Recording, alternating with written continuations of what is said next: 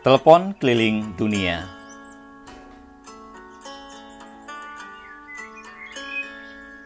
Pak Wardiasa harap menghubungi sentral. Suara pegging dari sentral membuat Wardiasa tergesa. Hatinya dag-digdug. Ada apa ibu menelpon ke pabrik siang-siang ini? Wardiasa yang sedang keliling pabrik segera menelpon ke rumah. Endang mengabarkan ada telepon penting dari Menteri Perindustrian. Wardiasa lalu mendayal nomor Jakarta. Di ujung telepon, Jenderal M. Yusuf berbicara dengan logat Bugis yang kental, tegas.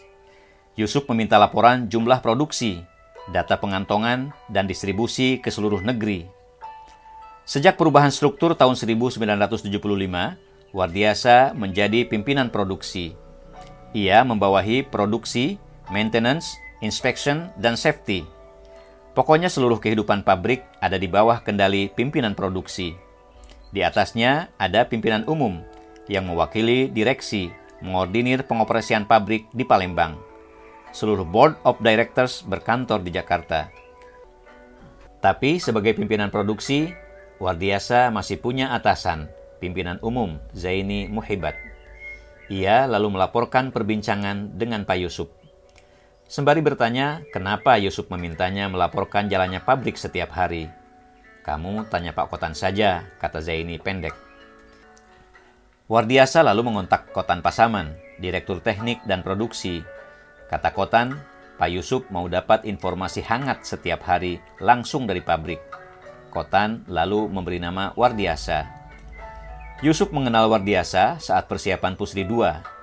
Menjelang peresmian yang dihadiri Presiden Soeharto, Yusuf semakin sering mampir. Sebelum datang, ia acap menyapa dengan khas. Wardiasa, aku mau langgar kau punya pabrik. Menjelang pemilu 1977, Pak Harto memberi perhatian besar pada pertanian. Nah, pupuk adalah soko guru kemajuan pertanian. Urea itu produk strategis yang sangat diperlukan petani.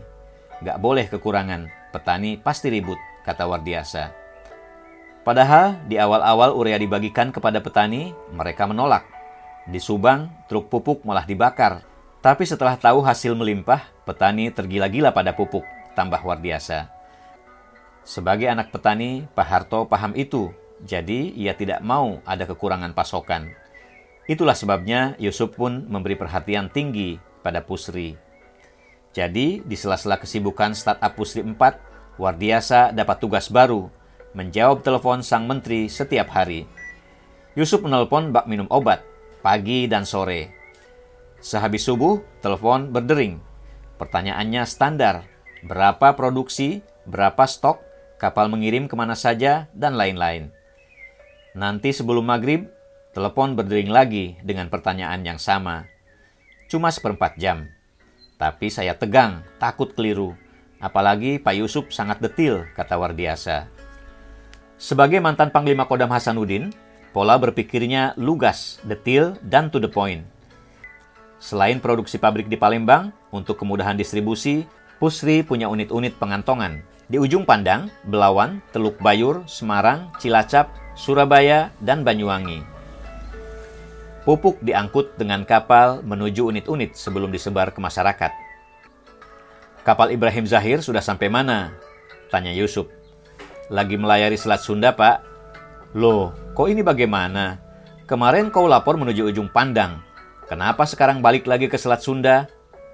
Maaf, Pak. Kapal Abu Samah yang sedang di Selat Sunda. Wardiasa berpikir, jangan-jangan Yusuf punya war room lengkap dengan peta. Dia tidak mau kalah. Di ruang tamu, ia taruh peta yang dilengkapi penanda warna-warni. Jadi, pergerakan kapal saya pantau terus sebelum Pak Yusuf menelpon, kata Wardiasa. Beruntung, Wardiasa juga punya kebiasaan yang sama, detil.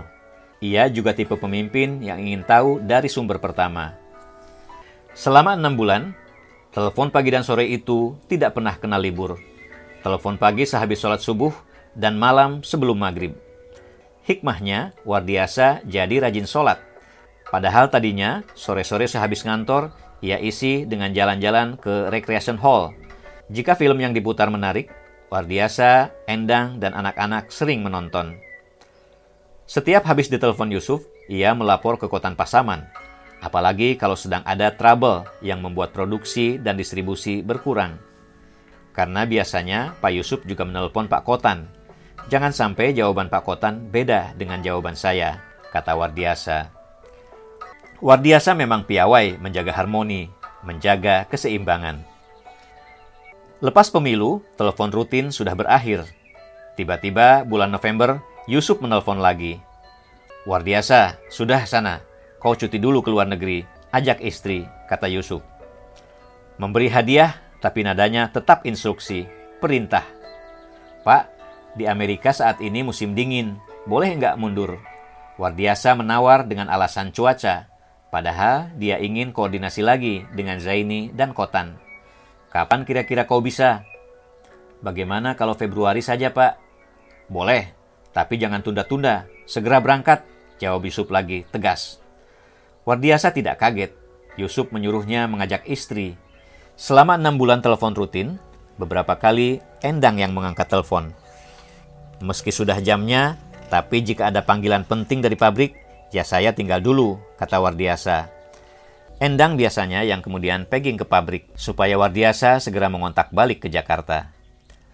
Pak Yusuf tahu kami tidak pernah libur, tak bisa ke mana-mana, tambah Wardiasa. Selama tiga bulan, Wardiasa menyusun itinerary. Ia ingin sekalian napak tilas ke kampus di Kanada dan kantor-kantor yang bersinggungan dengan pembangunan pabrik. Ia juga memasukkan umroh dalam daftar perjalanan. Karena ini perintah langsung menteri, perusahaan pun mendukung. Pak Hasan, Pak Kotan, Pak Zaini, dan direksi-direksi lain malah ngasih sangu kata Wardiasa senang.